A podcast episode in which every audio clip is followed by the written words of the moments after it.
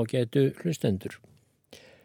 Ásamt Árna Óla, Benjamin Sigvaldarsinni, Stengrími Mattíasinni og nokkrum fleirum, þá er Óskar Klásen einn af þeim sem ég lít á sem góðkunningja þessarar litlu þáttaraðar. Þetta eru þeir menn sem skrifuðu einhver reyðinar býst af alls konar fróðleik og skemmtilegum greinum á fyrir hluta 20. aldarinnar og ég hef leitað í þeirra fjársjóði hvað eftir annað í þessum þáttum.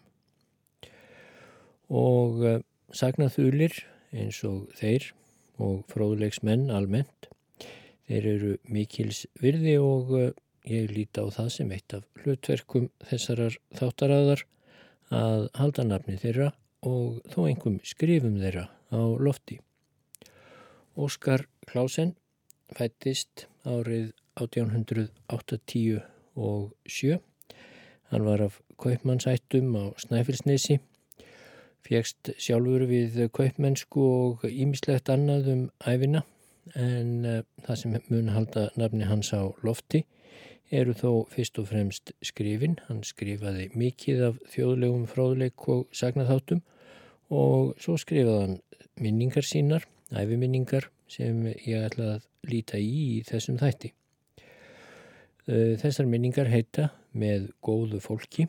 Það er komið út rétt fyrir árið 1960 og nafnið vísar að sjálfsögðu til eins bindis í æfisögu Árna Þórarinssonar prófasts sem Þórbergur Þórðarsson skráði en þar lýsir Árni duelsinni á Snæfellsnesi og uh, það með heldur ráslagarlegum hætti.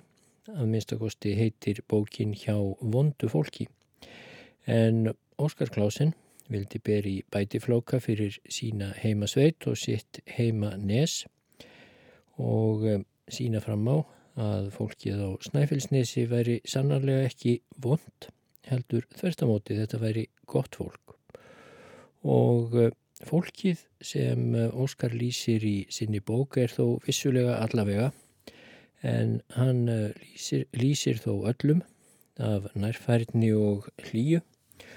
Og eh, ég ætla að grípa niður í kabla sem heitir á Sölvahamri. Og þar lýsir hann gamalli konu sem hann þekkti í æsku. Og kablin hefst á þessa leið. Elín er orðin gömul og farin að helsu og þar að auki hefur hún verið einstæðingur næri fjóra áratögi en þá mist hún mannin frá fjórum ungum börnum. Hún varð að láta öll börnin frá sér vegna fátæktar nema yngstu telpuna. Fyrir henni barðist Elín þó að hún væri alltaf helsulös. En þegar svo dóttur hennar var komin á legg þá giftist hún góðum manni og varð hamingjusum En sagan endur tók sig. Hún misti líka mannin aftur frá ungum börnum. Þau voru þrjú. Þau fáu ár sem Elín dvaldi hjá dóttur sinni og tengda sinni voru besti kaplinn úr lífi hennar. Þá leiðinni mjög vel en þá átt hún eftir mestu örfileikana því eftir það bættust veikindi og elli hrumleiki ofan á fátæktina. Elín hefur leið veik í rúminu í allan vetur en er nú heldur að hressast. Ég hef stöku sinnum heimsóttana, haft með mér bók og lesið fyrir hana því ofan á allan annan ömurleika hefur það nú bæst að nú er hún búin að missa sjónina á öðru auganu og orðin sjón döpur á hinnu. Þráttur þetta allt er Elín róleg og möglar aldrei eða mælir æðru orð en ber það sem á hann er lagt með þögulli þólinnmæði.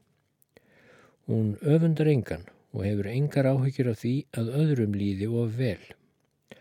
Örðuleikarnir hafa sínilega þraut reynd andlegt þrekkennar og þjálfað styrkennar til góðra hugsana. Þegar ég sitt á stólnum fyrir framann rúm Elínar og horfi á hana þar sem hún liggur í rúminu, mögur og föl, þá finnst mér að yfir henni kvíli einhver óvanarlegu ró. Andlitið er eins og meitlað úr kvítum marmara. Drættirnir eru djúpir og reglulegir en bera raunum vitni. Lífið hefur sett merkið sitt á það.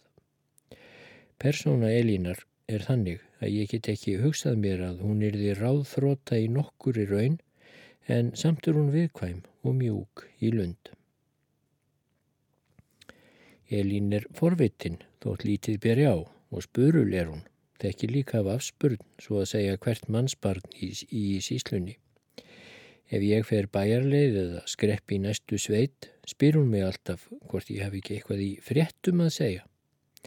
Ef ekki er annað er ég vanur að segja henni hvaða menn ég hefi hitt og talað við, hvar ég hefi gist og svo framvegis.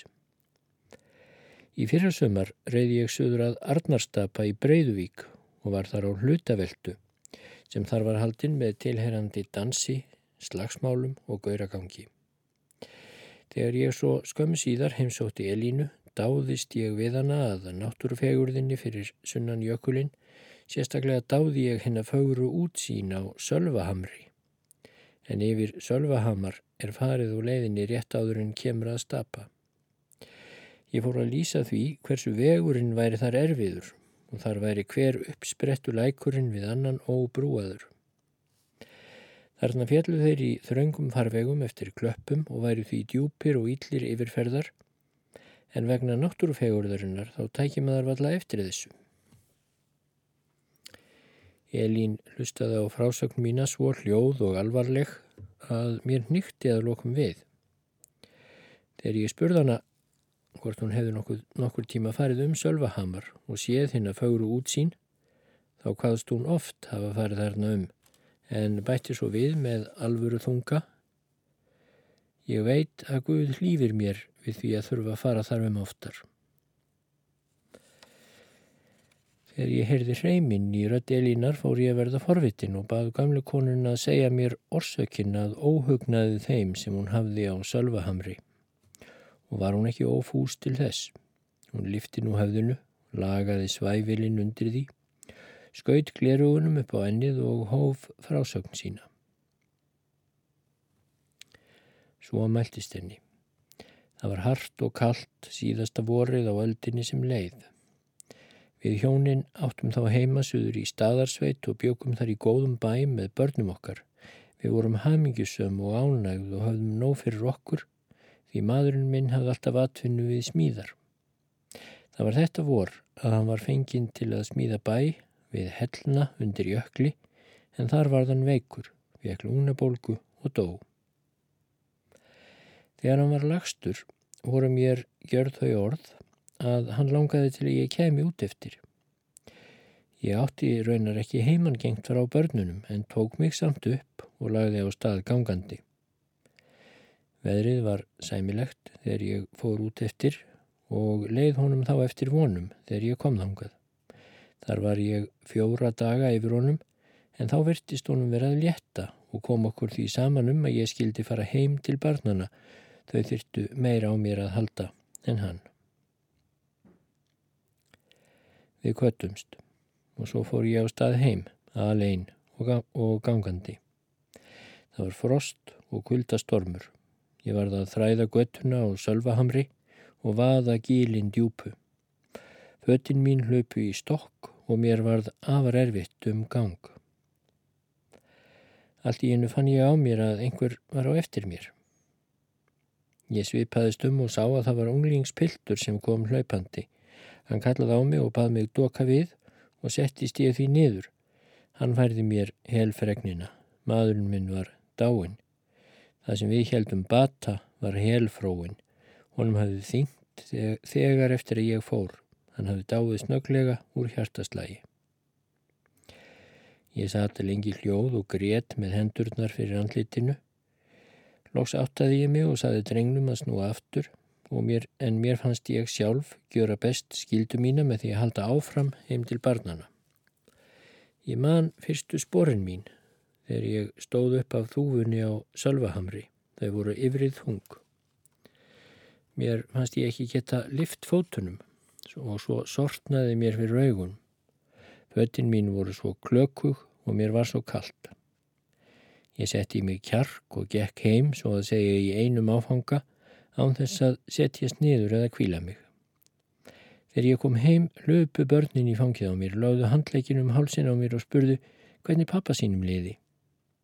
Ég duldi harminn eins og ég gat og sagði þeim ekki hvernig komið var fyrir þau voru háttuð um kvöldið og búinn að lesa bænirnar sínar.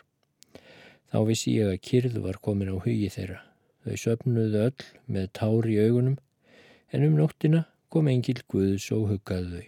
Ég sá hann sjálf þegar hann lagði vangina yfir rúmin þeirra því að ég vakti. Þessa nótt kom mér ekki dúr á auga.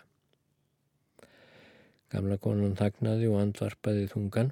Það var eins og hún væri sár þjökuð eftir að rifja upp þessa óþægilegu og líklega alvarlegustu endurminningu lífsins. Hún láð þreytt og hreyfingar laus. Á andliti hennar var sami fölvin en nú var komin óstyrkur og títringur í allar taugarðis, varirnar skulfu. Ég stóð upp og valdi Elínu þau hlýjustu orð sem ég átti ef vera kynni að þau getu orðið henni styrkur. Svo greip ég höndanar og heldum hana þegjandi dálna stund, beindi til gömlukonunnar þeirri samúð sem ég átti mesta. Síðan hvati ég hana en þegar ég fór út um dyrnar leiti ég um auksl og þá brosti Elín hlýlega til mín. Ég hef oft setið fyrir framann rúm Elínar gömlu síðan en alltaf varast að nefna hver fallegt er á Sölvahamri. Og þá segir af Sveini Borgara. Ein af fyrstu endurminningum mínum, segir Óskar, er bundin við það þegar fyrst var farið að kenna mér að þekka stafina. Mér var komið í kenslu hjá gamalli heiðurskonu í kauptúninu sem mörgu barninu hafi kent að stafa um æfina. Hún var orðin fjör gömul, áraðalegum áttrætt og mjög farin og ellir hrum. Ellin hafði tálkað af henni holdin og nú var hún mögur og beina ber orðin. Mér er enn í minni hver höndina og gamleikoninni var orðin kræklót og hver mjög bara á öllum æðum og taugum þegar hún benti mér á stafina með bandprjóni. Þá var mér ósjálfrátt að horfa á höndina hennar í hvert sinn sem þögn varði eða kvíld og bera hana saman við mína eigin hönd, holduga og ólúna barshöndina. Gamla konan hétt Sigrún og var hún af góðri ætt kominn. Hún hafði einhver tíma verið gift kaupmanni eða vestlunarmanni og var því alltaf titluð Madama. Madama Sigrún var alltaf vel klætt eða eins og heldri konu semdi að þeirra tíma síð og yfir henni var einhver hefðarblær. Hún var á peysufötum með svarta smundu og slífsi en það var úr flauili með svörtum blúndum úr glerperlum á endunum. Madama Sigrún var blíð og þýð við okkur börnin en við vorum tvö. Hitt var telpa sem ólst upp á heimilinu. Gamla konan lagði alúð við kjensluna og þess vegna gekk okkur vel að læra hjá henni. Madama Sigrún var á heimili dóttur sinnar og tengdasónar. Þau voru efnuð hjónin og áttu gott heimili og snoturt hús sem gaf ekki eftir húsum kaupmannana og embættismannana í kauptúninu nema hvað það var ekki einn stórt og þau. Í borgarahúsinu miðju, en svo var þetta hús nefnt, var forstofa og var gengið úr henni í tvær stofur, sitt til korrar handar. Til hægri var stástofa eða gestastofa, en til vinstri var setustofan sem notuð var daglega og þar var gamla konan að kenna okkur að stauta. Stofan svo var vistleg og hlíleg. Vekkirnir voru klættir timbri í smá ferhyrningum og blámálaðir. Þar var opn, feikna mikið bákn, eitt þessara gömlu ferhindu vindopna.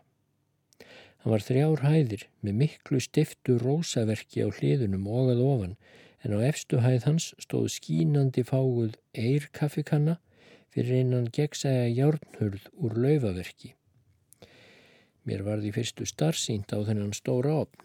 Hann var svo ólíkur sífölu sléttu kólaopnunum í húsi foreldra minna og þegar ég minnist hans nú er eins og um mig leggji notalegan eil því það var alltaf svo vel lagt í stóra ofnin í borgarhúsinu og það var svo heitt í stofunu þar þegar Madama Sigrún var að sína okkur stafina. Húsmóðurinn í borgarhúsinu var einstök gæðakona og húsmóndin, tengdasonur, Madama Sigrúnar, var mesti myndarmadur. Hann hétt Sveit og var kallaður borgari af því hann fór á hverri vetrarvertið undir jökul og rak þar smávegis verstlun við vermennina. Engum var það tópak og brennivín sem hann seldi þeim. Þann varning þraut svo oft í verslunum en þegar svo vildi til var hægt að hagnast vel á því að versla með slíka vöru. Að vísu var það á hjannar gjaldirir en fiskurinn en þegar vel fiskaðist var hann líka sjómannum laus í hendi. Það hafði oft komið fyrir að borgarar, svo kallaðir, og aðrir sem fengust við práng, genguð niður í fjöruna þegar bátarnir voru að koma að og seldu þá muntópakstukkuna fyrir roskin þorsk og svo var brennivínspelin oft seldur þreföldu verði þegar lítið var orðið um þann metal. Það átti fyrir mér að líka þegar ég var orðin fullorðin maður að kynnast sveini borgara all mikið en þá var hann komin á efri ár. Sveitn var í herra meðalagi og all þrekkin, fríður í andleiti, dökkhærður og velhærður, skeggprúður með snögglift vangaskegg. Hann var hæglátur og óáreitin góðvildar maður. Hverstagslega var hann ávalt snirtilega til fara og háttprúður, blíður í máli og viðmótsþýður en gatt þó stundum verið smá kímin í orðum. Ávana orðtæki hans var minn kæri og beitt hann því oft við þegar hann ávarpaði náungan eða kastaði hann hverju.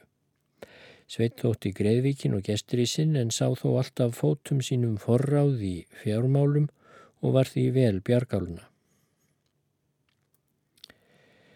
Í fari Sveins borgara var eitt sem menn tóku eftir og þótti einkennlegt en það var hversu hann var alvarlegur og sveipinn þegar hann þagði eða ef málkvíld varði í samtali.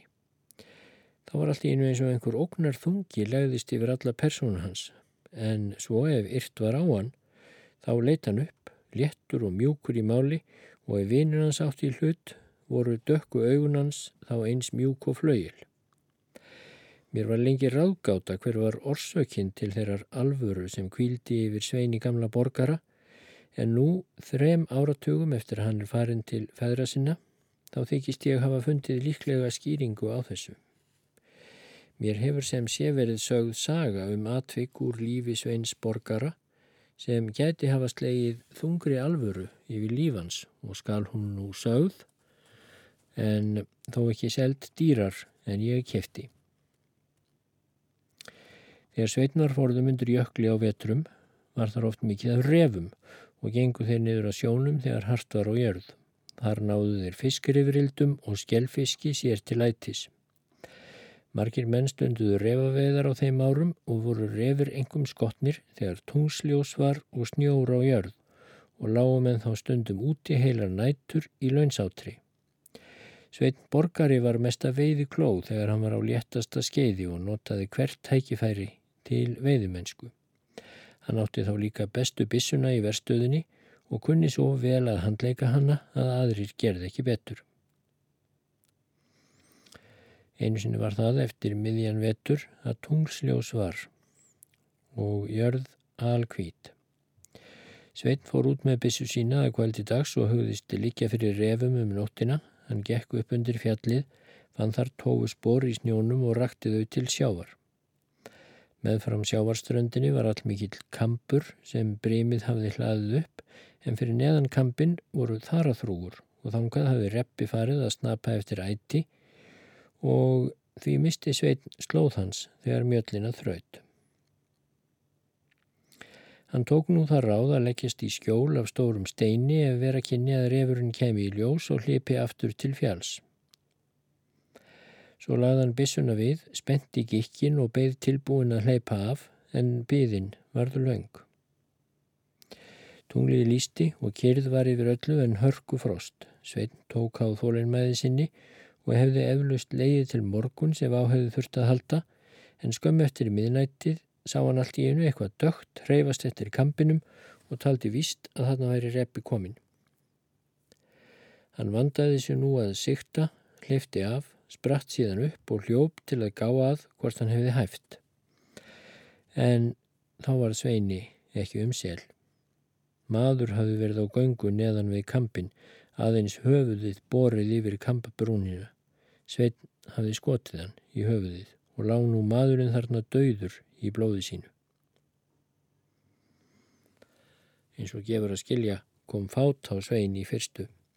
Honum varður ráða fátt en svo náði hugur hans valdi á kaldri yfirvegun.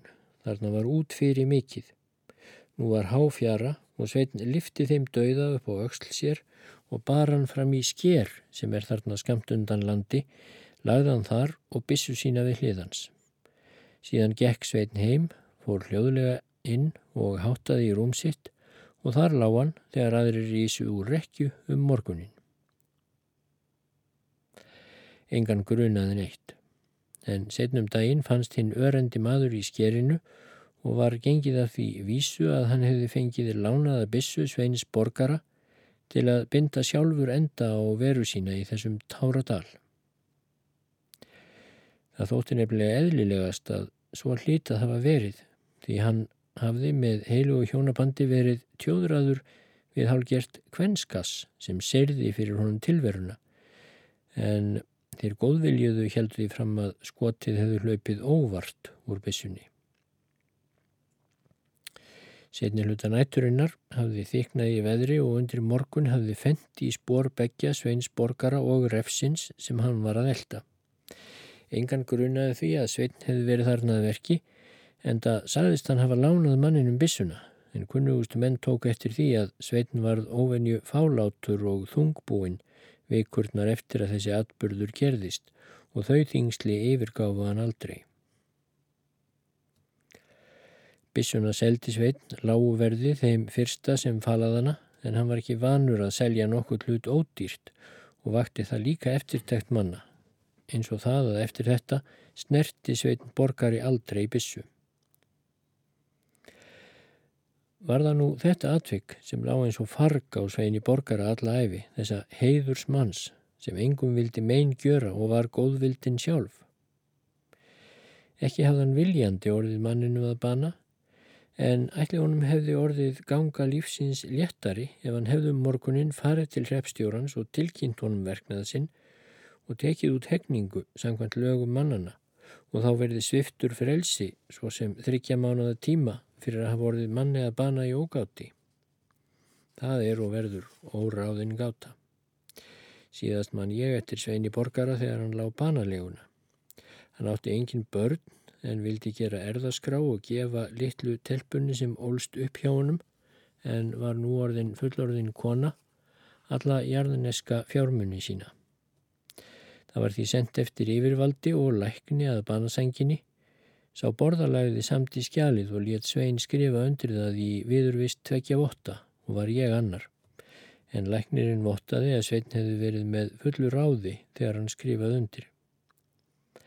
Mér er það minnistætt hver Sveitn Borgari var óstyrkur þegar hann reys upp í rúminu og skrifaði nafn sitt í síðasta skipti. Nóttuna eftir þingd honum banasóttina en um hátegi næsta dag bráðist nákvæmst af honum. Það var helfróin. Var þá sendt eftir prestinum sem veitt honum heilagt sakramenti en hvort hann skriftaði fyrir honum lendardóm lífsins, það veit engin. Um kvöldið fekk Sveitn Borgari hægt andlát. Út af staði stöð, ég skunda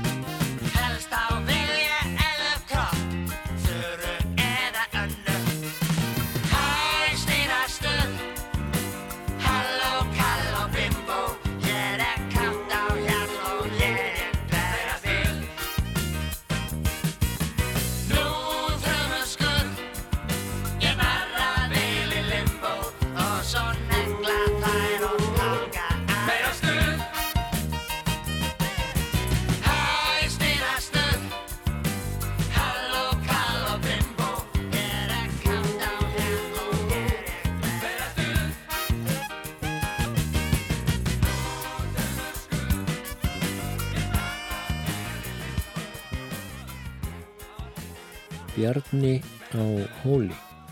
Svo heitir næsti kaplinn í endurminningabók Óskars Klásens en hann tekur fram í eh, neðanmálskrein að af sérstökum ástæðum þá noti hann hér dullnefni yfir Bjarni þennan á hóli svo við vitum ekki hvað hann hefur heitið í raun og veru. En kaplinn um þennan Bjarni á hóli eða hvað hann hétt hann er svona Húsinn standa á háum hóli, túnið er renni slétt, fjöllin skíla fyrir norðanáttinni en að sunnan er skamt til sjávar. Þar sem breymið ber ljóskulan skeljasandin.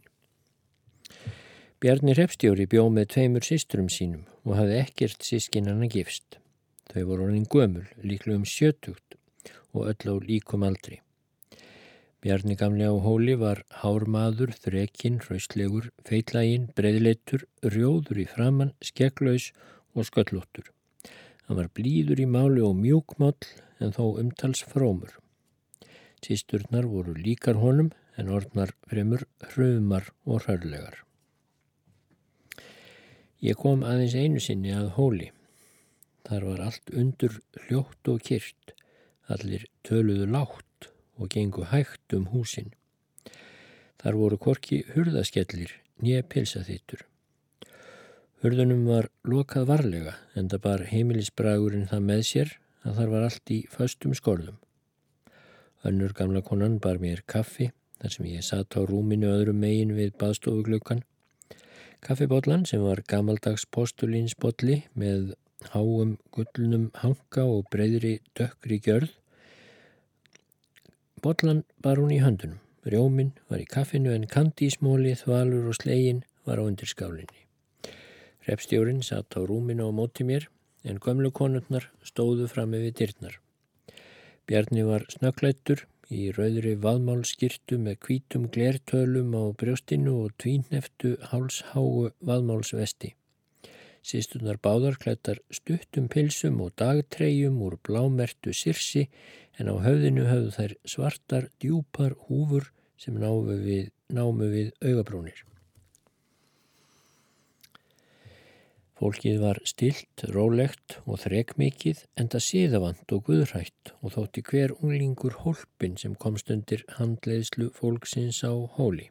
Öllum leið vel á þessu heimili, mönnum og skeppnum. Skeppnurnar voru þar vætni en hjá öðrum. Þeim var sínd umhyggja og nærgetni og aldrei voru þar látnar svelta. Hestarnir á hóli, flestir skjóttir, þeir báru af öðrum hestum. En Bjarni hafði líka sérstakka ánægju af að nostra við og strjúka þá og kempa. Allt var í röð og reglu á þessu góða gamla heimili. Í búrinu og eldhúsinu var hver hlutur á sínum stað Í skemmuna á hlaðinu var fluttur ársforði heimilisins úr kaupstaðnum einu sinni á ári en uppi á bitunum var í mörg ár geimt sterkleg svört líkista sem ætluð var utan um húsbóndan. Svona var forsjáluninn um allt. Til kistu þessarar var þó gripið þegar eldri sístrinn dó, það var um hávettur og erfitt að nálgast timpur norður yfir heiðina. Sískinnin höfðu búið marga áratugi á hóli, engar breytingar höfðu orðið langa lengi, friðsæld og ró kvíldu yfir hólsheimilinu en svo kom að því að sísturnar urðu að fara veg allrar veraldar. Þær dóur einar báðar sama veturinn. Bjarni gamli varð einn og einn manna og átti erfitt með að sætta sig við breytinguna eins og gömlum er títt. Um vorið var maður á ferð og komað hóli. Það var það samningum að Bjarni seldi honum jörðina vægu verði og átti hann að fá að vera þar í horninu meðan hann þyrti á því að halda en svo fóru leikar að aðbúnaður Bjarnagamla var þannig hjá nýja bóndanum að Bjarni var það rökklastaðan eftir árið. Hann settist nú á eigðugótu upp við fjallið, var þar meðan efnin voru að ganga til þurðar og þar kom örbyrðin yfir Bjarna og hóli. Svo sóttu að hann veikindi og eðlilegur ellirhumleiki og brátt leiða því að Bjarni var orðin heilsulegs öregi. Allt var farið en sálarkraftar hans máttu heita óskertir. Bjarni hafði verið hreppstjóri marga áratugi og síslunemdarmadur á blómaskeiði lífsins. Síslumadurinn sem þá var var nú orðin hátsettur embættismadur í Reykjavík en meðan hann var vestra hafði hún verið áhuga mál að komast á þing og til þess að ná kjörfylgi Bjarnar hreppstjóra sem var mikils verði þá þá hafði hann í kyrþei stungi því að Bjarnar að hann skildi sjá svo um að hann er því dannebróksmaður af því að til þess væri hann marg búinn að vinna. Að vera dannebróksmaður þýtti að maður fekk orðu frá konginum svo sem eins og fálka orðuna setna. Síslumadurinn komst á þing en aldrei kom krossin eða dannebrókstignin. Bjarni myndist nú þessa í eimtsinni. Hann skrifaði sínum gamla síslumanni og baði hann að greiða úr fyrir sér. En hann benti Bjarni á elli heimilið. Þar væri atkvarf einstæðinga og þar myndi honum líða vel. Bjarni gamli tók þetta svo að á elli heimilinu ættu verðu ír menn skjól og þar væri séð fyrir þeim að því ofinbera án þess að kemi til sveitar styrks því á sveit vildi hann ekki fara fyrir nokkur mun. Vorið var kallt og erfitt um skipaferðir en Bjarni hafði spurnir af öllum skipum sem til Reykjavíkur áttu að fara. Það var ekki neitt leikur að flytja karlægt gamalmenni því nú var Bjarni gamli komin alveg í kör. Það var engin hæðarleikur að flytja hann í vondum veðrum yfir vegleysur í vorrættum. Annan páskadag fréttist til motorbáts sem ætlaði til Reykjavíkur og þá brá Bjarni við og let búa um sig í vagnkassa sem settur var á sleða og let hann svo draga sig á ísum út mýrarnar til sjávar. Og þeir fengu snarpan norðanvind söður þegar út í bátinn var komið og kallt var á gamla bjarna í lestinni á mótorbátnum. Fyrir hluta nættur var komið til Reykjavíkur og um morgunin var bjarna komið á hælið elliheimilið og þar var síðasti dvalarstaður hans í þessari tilveru. En sveitin borgaði meðlægið. Það vissi Bjarni aldrei og dó í þeirri sælu trú að þarna hefði hefð ofinbera séð um hann síðustu dagana og væri það verðugt endurgjald fyrir velunin störf í þáu þjóðfélagsins. Það var skemmtun á elliheimilinu grund. Margir gestir komu, ég skrapp þangað Gekk um herbergi og kastaði kveðju og gamla fólki eins og aðrir en þekkti þó engan. Í einu rúminu lág gamal maður, skarpleitur, magur og fölur með hvita prjónahúfu á höfðinu, skallaskílu, svo kallaða. Örlátir gestir höfðu stungið peningum í höndans og held hann á nokkrum tíu krónaseðlum en ég efast um hann hafi vitað nokkuð af þeim. Þetta var Bjarnir Hepstjóri á hóli þessi gamli magri haumingi sem starði nú sljóum augum á léttan sem hekk yfir rúminu. Hann var sá sami Bjarnir Hepstjóri sem satt svo sællegur, hraustur og ánægður á rúminu beint á móti mér í baðstofunu og hóli fyrir aðeins tveim áratugum. Þetta var í síðasta skipti sem ég sá Bjarnar, við að nokkru síðar rakst ég á þessa auglýsingu í morgunblæðinu. Á morgun verður Bjarni Örnólfsson sem dó á elliheimilinu jarðaður frá domkirkjunni klukkan tíu. Fátækra fulltrúin. Jarðarförin var fátækleg, einn maður söng, einn maður satt í kirkjunni miðri og einn maður gekk á eftir kistunni, auk pressins. Presturinn helt ræðu og hafði fyrir ræðuteksta Ég er eins og einmanna fuggla á þakki og svo framvegis. Bjarni var einmanna, átti enga ættingja og enga sirkendur. Það grét engin, en sólinn skein á einfalda og fátæklega kistu hans í opinni gröfinni þegar við gengum heim frá þessum morgunverki.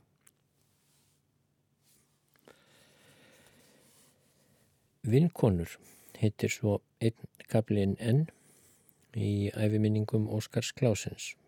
Hann hefst svo Þegar ég var að alast upp og mann fyrst eftir mér var það enn síður að þeir sem áttu að gjalda hæstu útsvörin í stíkishólmi eins og til dæmis kveipmennir gildu það með því að halda ómaga.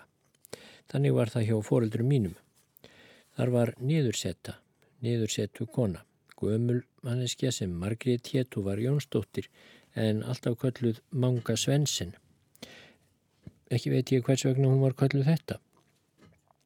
En heirt hef ég að fadur hennar hafi verið Svensson og mun henni því hafa þótt fítna að heita Svensen en vera bara Jónsdóttir.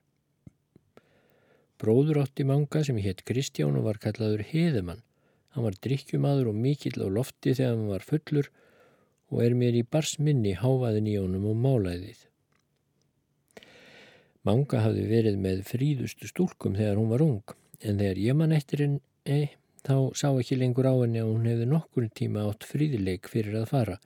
Hún var orðin kerlingar ró, rukkótt og bóin í baki og því miður geðstyrð og önug og er mér nú minnistæð þessi litla kellingar rúka sem alltaf satt á stól við hornið á eldúsborðunni hjá fóröldri mínum. Þaðan reyði hún sig ekki nema þegar hún stöulaðist eftir mókökli og stakk honum í eldavélina og glætti þá eldinum leið en þetta var eina verkið sem henni var ætlað. En það held ég að manga hafi alla tíð verið afkasta lítil og verk smá og það eins þegar hún var upp á sitt besta. Manga Svensen tók í nefið, reykti pípu og þótti sopin líka góður og það kom talsvert oft fyrir að hún var drukkin. Pípuna tók hún valla út úr sér og var alltaf að tróða í hana og stinga fingrunum ofan í kongin, jafnvel þótt velværi lifandi í honum. Í þá daga hafði nærri hver maður brennivín með höndum. Flaskan kostaði ekki nema 75 öyra og fegst í hverri búð. Það var líka hægt um vik fyrir möngu að bregða sér í búðina og koma sér svo vel við búðarmennina að þeir gáðin einn snafs en það mun oft hafa rokkið ofan í hana sopi við búðarborðið, engum snemmað mótninum ef hún þurft að ilja sér fyrir brjósti. Fóreldurum mínum var eins og vantamátti ítla við að kellingin næði í vín því að þá var hún enn önugri og málgefnari en hún átti að sér og svo drafaði henni tungan og hún varði eins og máttlausi í munvíkjunum, svo mjög að hún slefaði. Þegar manga var ung og upp á sitt besta, þá var hún hins vegar eins og áður getur, fríð og fingerð stúlka og hafði verið vinnukona hjá Páli Melsteð þegar hann var amtmaður í Stikisólmi. Guðmundur Pálsson, síðar síslumadur, var þá skrifari amtmannsins og var hann að þeirra tíðar síð kallaður Pálsen. Annað kort hefur Pálsen glæfst á fríðileik möngu eða hún á stöðu hans nema hvort ekki hafi verið því þau eruðu mestu mátar og sást árangur þessa kunningsskapar í því að Pálsen átti barn með möngu. Það var af þessu sem kellingin var svo reikin í elli sínu þegar hún var undir áhrifum. Þá var hún að gorta af því að Pálsen amtskrifari hefði litist heldur en betur vel á hana og hefði vel geta farið svo að hún hefði orðið síslmannsfrú ef hún hefði bara kert sig um. Það hafa áraðanlega verið sólargeislatnir í tilbreytingarlaustri og grári elli mungugömlu þegar hún var orðin hýr af brennivíni og var að rifja upp fyrir sér endurminningarnar frá því hún var upp á sitt besta en þá vek hún alltaf að því sama Pálsen, Pálsen og aftur Pálsen. Vorið 1897, þegar ég var tíu ára, Þá fluttu fóröldra mínir úr stikki sólmi til Reykjavíkur. Þá var Manga Svensen flutt fram í Höskuldsei sem er ista byggða eigin á breyðafyrði og þar varð hún neðursetta en það voru víst mikil viðbreyði fyrir Vestlingsmöngu að verða hverfa af mannmörgu heimili í kaupstaðnum í einangrun á fámennu heimili á lítilli eigu. Hún undi samt hag sínum nokkuð vel þarna og dóð þar nokkrum árum síðar. Á þingvöllum í Helgafellsveit byggu í þá daga myndarleg hjón.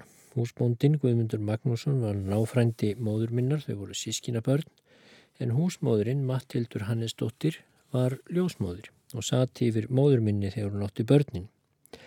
Það var því mikil vinátt á milli fóreldra minna og þingvallafólksins. Á þingvöllum, sem auðvitað ekki berað ruggla saman við þingvelli við Öksará, Þar var niðursetta sem Salbjörg hétt og var alltaf kalluð Salka. Hún var lagleg kettling, ljósi í framann með mjall hvít hár. Kátt og léttlind var hún, þrifin og vel til fara. Húsbændurinnir á þingvöllum voru gæða fólk og var heimilisbragurinn þar allur hinn frjálslegasti. Hjónin voru barnlaus en veittu mörgum fósturbörnum príðilegasta uppeldi. Þeim varð vel til hjúa og þaðan hljóp ekkert hjú úr vistum. Salka var þar í marga tugi ára og var þar ellidauð. Frá þingvöllum er stutt í kaupstæðin en það fekk Salka oft að skrepa þangað að heimsækja kunningi sína. Hún hefur víst farið ofan í holm á hverjum mánuði að sumrinu og svo, og svo yfir fyrir háttíður á vetrum. Á þessum ferðum sínum kom hann alltaf í eldhúsið hjá foreldurum mínum og var að vel tekið á mótenni.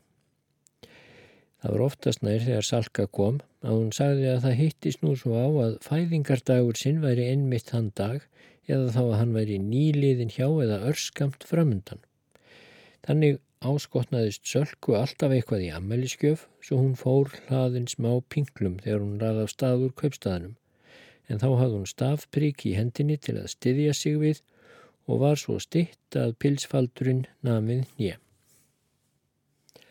Þær eruðu miklar vinkonur, Manga Svensen og Salka á Þingvöllum og tókst vinátt á þeirra yfir ilmandi kaffinu í eldhúsinu hjá fóröldurum mínum.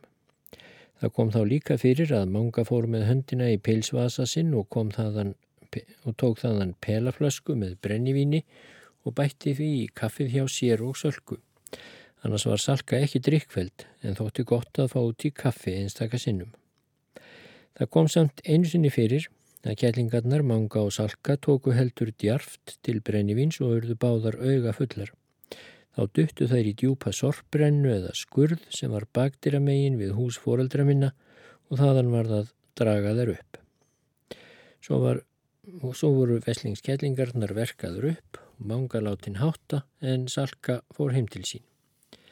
Þingvallafólkið var kirkjurækið og eh, fóru þaðan víst oftast allir af heimilinu til kirkju þegar messað var á helgafelli og þar á meðal salka. Þegar svo messa átti að byrja og meðhjálparinn var farin að handleika sálmabókina þá byrjaði salka á sínu hlutverki við messuna.